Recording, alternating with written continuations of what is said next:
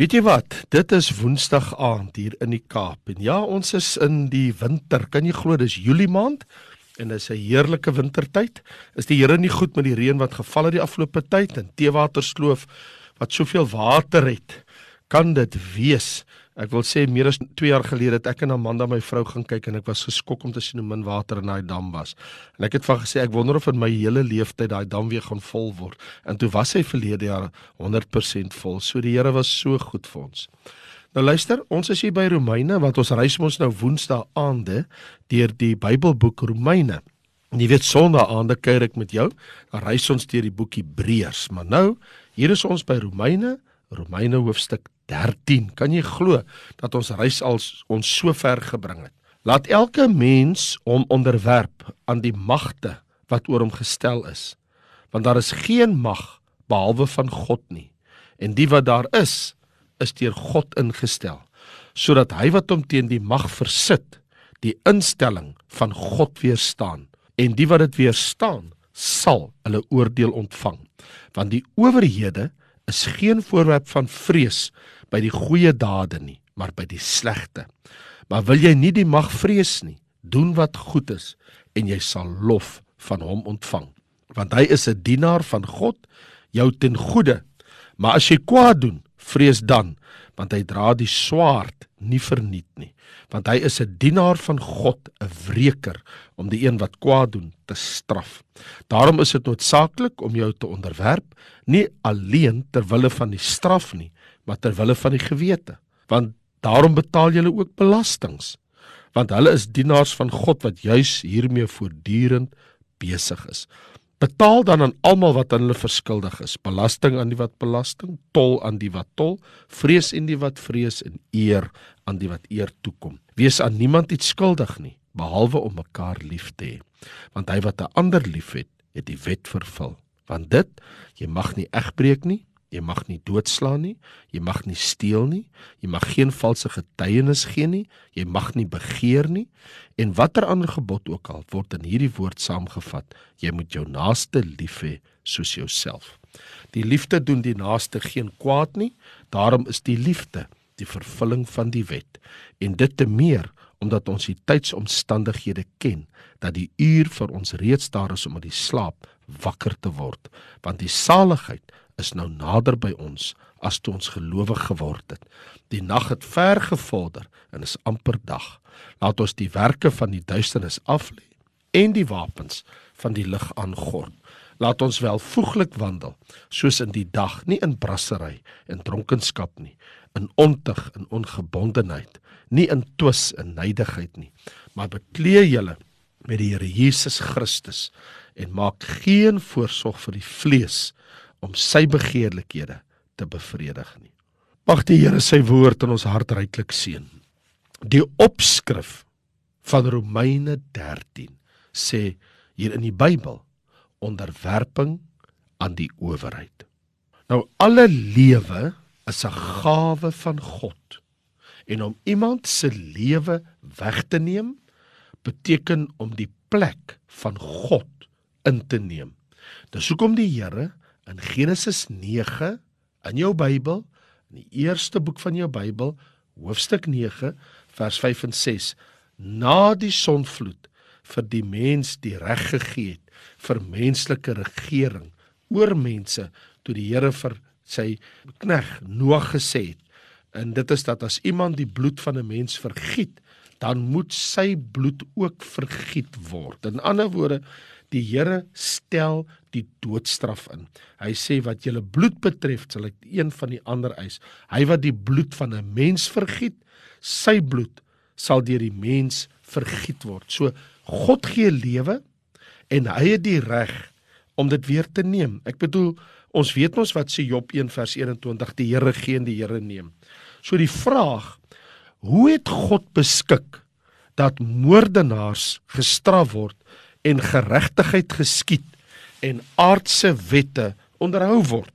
Wel, hoe die Here dit gedoen het, in sy alwysheid het hy menslike regering op die aarde gevestig. En in die proses met het die mensdom die mag by God ontvang om die doodstraf toe te pas wanneer nodig. So menslike regering en die doodstraf gaan hand aan hand volgens Paulus hier in Romeine 13 vers 1 tot 7. Dis sy hele argument is dat nou dat God die doodstraf ingestel het en God menslike regering aangestel het, kan jy die twee nie van mekaar skei nie. So jy kan nie reg in eie hande neem nie. Dis hoekom daar 'n menslike regering is. So, hier is sy punt. Owerhede, regeringskap is deur God ingestel. Juis omrede die boosheid in die menslike hart. Want die vrees vir straf help om die wettelose in toom te hou. Ek bedoel, hoeveel instellings dink jy het God vir die mens op die aarde ingestel? Daar's ten minste 3 wat ons deeglik van bewus is. En dit is die huwelik, die familie. God het vir Adam en Eva bymekaar gebring en God was die eerste een wat die huwelik ingestel het sodat ons families kan hê. So die huwelik is deur God verordineer as 'n instelling. Die tweede ding is, dit is Genesis 1 en 2. Nou wanneer ons kom by Genesis 9, dan sien ons dat God het ook menslike regering ingestel. En menslike regering veronderstel ook die doodstraf as deel van menslike regering. En die derde ding is, uh, Jesus het die kerk ingestel. In Matteus 16 het hy geprofeteer oor sy kerk as 'n instelling wat hy gaan vestig en in Handelinge 2 sien ons hoe hierdie kerk bekragtig is met die Heilige Gees. So die opponente van die doodstraf. Hulle sê gewoonlik, ja, maar verhinder die doodstraf werklik moord? Maar ons wil as antwoord sê, verhinder enige wet oortredinge? Ek bedoel, daar ons het spoedwette. Wie van julle het nog nooit 'n spoedkaartjie gekry nie? Of jy was baie gelukkig of jy onderhou die wet van spoed baie noukeurig en baie geluk. Wat van parkeerwette? Het jy al geparkeer waar jy nie veronderstel is om te parkeer nie? Nou, een of ander tyd gebeur dit nou maar dat 'n mens moet noodgedwonge vinnig op 'n plek stop. Uh uiteraard, 'n mens wil dit nie doen nie, maar dit goed gebeur, maar dan het jy 'n parkeerwet oortree. As jy meer as 60 km in die dorp ry, dan het jy uh, die spoedwet oortree. En ons sou nou dink by onsself. Ja wel, die straf uh, sal nie almal stop om te doen wat hulle wil nie. Ek bedoel, al staan daai bordjie en sê 60 km maksimum spoed in die dorp, daar's nog baie mense wat net doeteenvoudig dit ignoreer en hulle jag daar verby. Klaar. So hulle steur hulle nie aan die wet nie. Paulus se argument is die wette in menslike regering help om te beskerm. En dit kompenseer ook slagoffers van oortreders se wettelose optrede. Nie alles wat vandag wet is, is soseer Bybels nie. Ongeag wat filosowe, parlementariërs en geregshowe sê, God se mandaat van straf is die doodstraf by menslike regering staan. Nou of hulle dit wil toepas of nie, dit is God se woord dat die menslike regering het die reg wanneer nodig om die doodstraf toe te pas. Dit is deur God daar gestel en dit moet deur alle mense gerespekteer en gehoorsaam word. So wanneer ons nou na Romeine 13 kyk, dan besef ons ons het hier ook 'n ding. As 'n Christen kind van die Here, het ek en jy mos 'n burgerskap wat in die hemel is. Filippense 3 vers 20 sê mos julle burgerskap is in die hemel. Hallo? Jy gehoor wat sê ek? Jou burgerskap is in die hemel. Hier is die verskil tussen sondaars en Christene wat waarlik gelowiges is. Ons uiteindelike trou lê by God. So ons kom nie vry terselfdertyd van ons verantwoordelikheid in die samelewing wat binne ons lewe nie. Vir daai rede wil ek nou vir jou sê, Christene het 'n dubbele lojaliteit. Ons het 'n dubbele burgerskap. Ons het aardse lojaliteite en ons het hemelse lojaliteite. In ander woorde, ons moet gehoorsaam wees aan menslike regering sover ons gewete ons toelaat en ons het 'n verantwoordelikheid teenoor God in die hemel Ons het ook hemelse lojaliteite. En hier is wat Paulus onder ons aandag nou juis wil bring. Dis hoekom hier Romeine 13 so belangrik is. En dit is hy sê die Christen as 'n burger, 'n landsburger op die aarde wat sy aardse burgerskap betref, hy moet hom onderwerp aan die owerheid. So hy skryf aan die brief is tog geskryf aan Romeinse Christene. Hulle leef in die hart van die Romeinse ryk in Rome.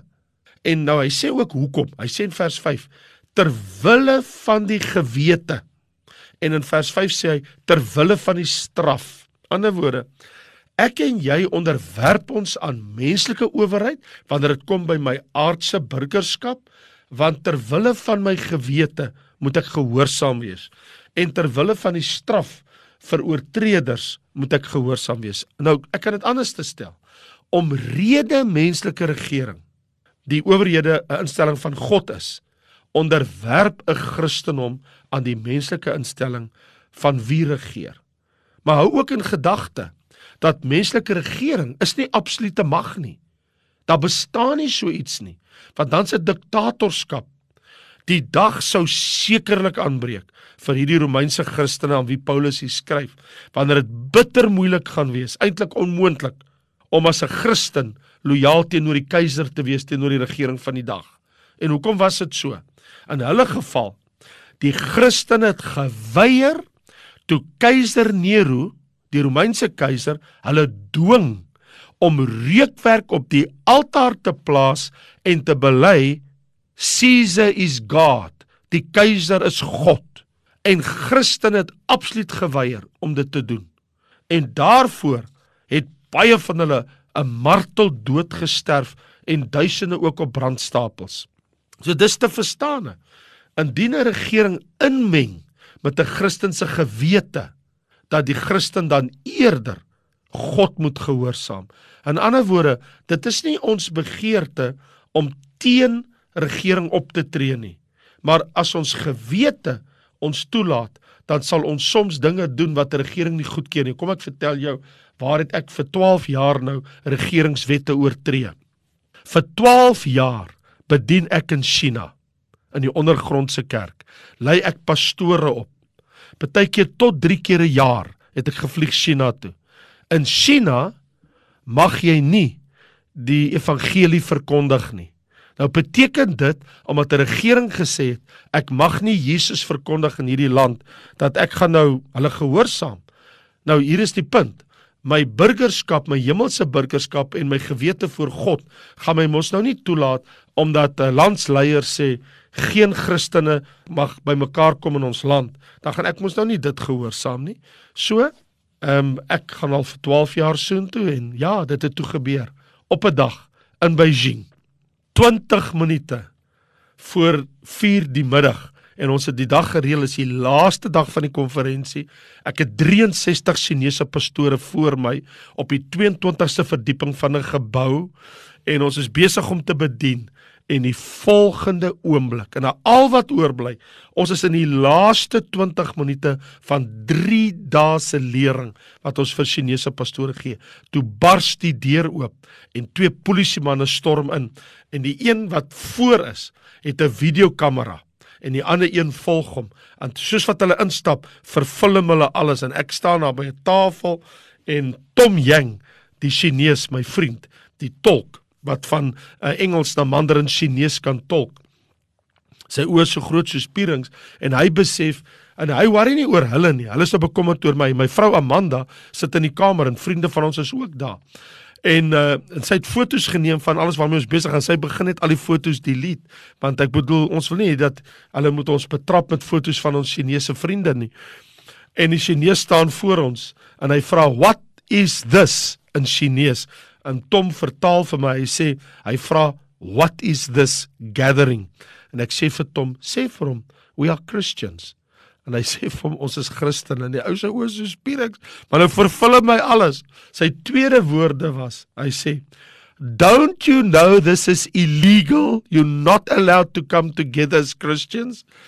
En ons staan almal daar. Wat kan ons sê? Ek bedoel hy het ons gevang red handed hier's ons. En hy dink dis net gemeentelede wat bymekaar kom. Hy weet nie al daai manne en vroue voor my 63 is almal gekose pastore wat wat in opleiding betrokke is. En ons sê toe from well, yes, we did come together as Christians and we worship the one true God. En hy sê vir ons, this is illegal in China. Nou kan jy mos sien ek is 'n westerling. En hy sê you have 2 minutes to be out of this building. Nou ek wil net vir jou sê, nee. Het jy gesien hoe vlug 63 Chinese pastore en hoe hardloop vier westerlike vir hulle lewe. Ek sou sê in 2 minute toe kleer ons daai plek, toe's ons almal weg. En toe het ons nou van toe af toe skuif ons ons byeenkomste na Qinzhou toe. Nou Qinzhou is so 7-800 km uh, se reis weg van Beijing af. So die laaste jare het ons toe nou ons opleiding voor Covid. Verlede jaar het ek nou nie gegaan nie, maar tot die jaar voor dit het ons dit gedoen. So nou is my vraag: Het ek onwettig opgetree? Ja, volgens die regering van China. Was ek in die oë van God onwettig? Nee. Jy sien. So hier is 'n ding dat ek het ook 'n gewete voor God. So in ons weet dat as kinders van die Here dat ons kom by mekaar in die naam van Jesus waar twee of drie in my naam vergader is ek in hulle midde. Maar die wet is goed en die wet is reg en die Christen moet hom onderwerp tensy dit teen die grein van die Bybel skree dan weet ek en jy dat God ons toelaat dat ons kan dit override, dan kan ons sê, "Wel, ons gaan nou nie daarmee te koop loop nie, maar ons sal dan in die geheim by mekaar kom in die naam van Jesus en nog steeds ons Chinese vriende oplei." Dit het ek nou voortdurend bly doen. Maar om die landswette te weerstaan is om wat God as regering as 'n instelling gestel het te weerstaan en dit bring straf. En so onder normale omstandighede eh, wat landswette betref, moet kinders van die Here hulle ook onderwerp. In die Bybel sê in vers 7 dis hoekom jy belasting betaal en ek en jy mag dalk nie saamstem wat alles met ons belastinggeld gebeur, maar die woord van die Here staan nog vas. Jesus sê in Matteus 22: "Gee aan die keiser wat die keiser toekom, gee aan God wat God toekom." Dit kan ek en jy nie ignoreer nie. Nou vestig Paulus ons aandag op privaat skuld, waar hy in vers 8 tot 10 praat hy oor ons private skuld, nie wat jy die keiser skuld en wat jy God skuld nie, maar jou privaat skuld. En hy sê wees aan niemand iets skuldig nie. Nou, dit beteken nie die Bybel verbied wettige transaksies, finansiële transaksies nie. Ek kan met die bank transaksies aangaan. Ek kan met huiseienaarskap, ek kan met 'n motorhandelaar transaksies aangaan. Maar nogtans word ons vermaan om nie onnodiglik in skuld te gaan en kontrakte te teken wat ons weet ons nie kan onderhou nie. Die een skuld wat ek en jy elke dag moet betaal en sal aanhou betaal tot die dag van ons dood is die skuld van die liefde. Want hy sê wees aan niemand iets skuldig nie behalwe om mekaar lief te hê. Ek is elke dag die skuld van liefde aan alle mense verskuldig. Want sien hier's die punt. Indien liefde die uitvloeisel is van 'n mens se hart, indien dit jou hele lewe deurweef, jou liefde vir God, jou liefde vir jou naaste, benodig jy nie ander wet nie. Vers 10 sê: "Die liefde doen die naaste geen kwaad nie. Daarom is die liefde die vervulling van die wet. Wie het 'n wet nodig as jou naaste liefhet? Ek gaan mos nie sy vrou vat nie. Ek gaan niks aan sy kinders doen nie. Ek gaan nie sy geld vat nie. Ek gaan nie sy motor steel nie. As jy liefde het vir jou naaste, En ter wille van die feit dat Jesus Christus kom, sy koms is op hande. Hy sê in vers 11, Jesus se koms is op hande. Hy sê in vers 12, die dag is amper daar. Hy sê in vers 12, eh, die nag het ver gevorder. En hy sê in vers 12, um, die stryd wat ons gestry het, ons is amper aan die einde. So laat ons nie ek en jy veg met haat en bitterheid en bedrog en met kullery en met korrupsie nie maar dat ons veg met liefde, geregtigheid en waap en waarheid, want dis die wapens van die lig. Want hier praat in Romeine 13, trek jy wapens van die lig aan. So word Christus gelykvormig. Word bekleë met Christus. Bekleë jou met Christus. Trek Jesus aan. Dit is die geheim van ons as Christene se krag, meer soos Jesus. Word wakker sê Paulus. Die tyd is daar. Hy sê die tyd is daar dat ons moet wakker word. So hier is die punt die Christen landsburger behoort die beste burger in die land te wees. Dis absoluut so. Christene mag dalk nou nie altyd saamstem met die politiek en met politieke partye en sekere politieke partye nie, maar alle Christene stem saam aan hulle houding, hulle gesindheid tot menslike regering. Dit is 'n instelling van God. Dit is die hart van Romeine 13. Menslike regering is 'n instelling van God en daarom moet ek en jy, ewenal stem ons nie met alles saam nie, ons nogtans onderwerp behalwe wanneer ons gewete ons nie toelaat omdat wat gesê word absoluut teen die grein van die skrif is. As ons verbied word as Christene om saam te kom, ons kan nie saam bid nie. Ons mag nie by einkomste hê, hoegenaamd nie. Ons kan nie 2 of 3 in die naam van Jesus by einkom dan kan Christene opstaan en sê nee of dat die keiser is God. Die antwoord is nee. Ons as Christene sal nie daarvoor val nie. So ja, ek en jy het 'n verantwoordelikheid teenoor die regering van die dag want ons is steeds landsburgers. Maar ons het ook 'n verantwoordelikheid teen die hemelse regering, teen die God van die hemel wat ons burgerskap is ook in die hemele. Filippense 3 vers 20. En die burgerskap in die hemele is groter en hoër en meer absoluut as dit van die aarde. Wat 'n wonderlike ding dat ek en jy dubbele burgerskap het. Ek is 'n hemelburger, maar ek is ook 'n aardse burger. Vader, dankie vir u lieflike woord. Gee dat ons sal reageer soos wat u woord vir ons sê. Die liefde doen die naaste geen kwaad nie. Daarom is die liefde die vervulling van die wet. En sê u woord, wees aan niemand iets skuldig nie behalwe om mekaar lief te en sê u woord onderwerp jou aan die owerheid. En sê u woord betaal wat jy skuldig is belasting aan die wat belasting.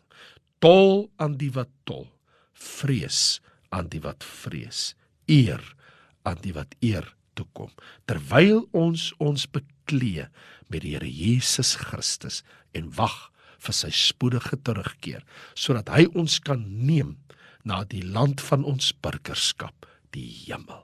Loof u Vader. Prys u in Jesus naam. Amen. Net nou toe ek is Raymond Lombard. Ek groet jou en volgende week kuier ons verder. Baie dankie en totsiens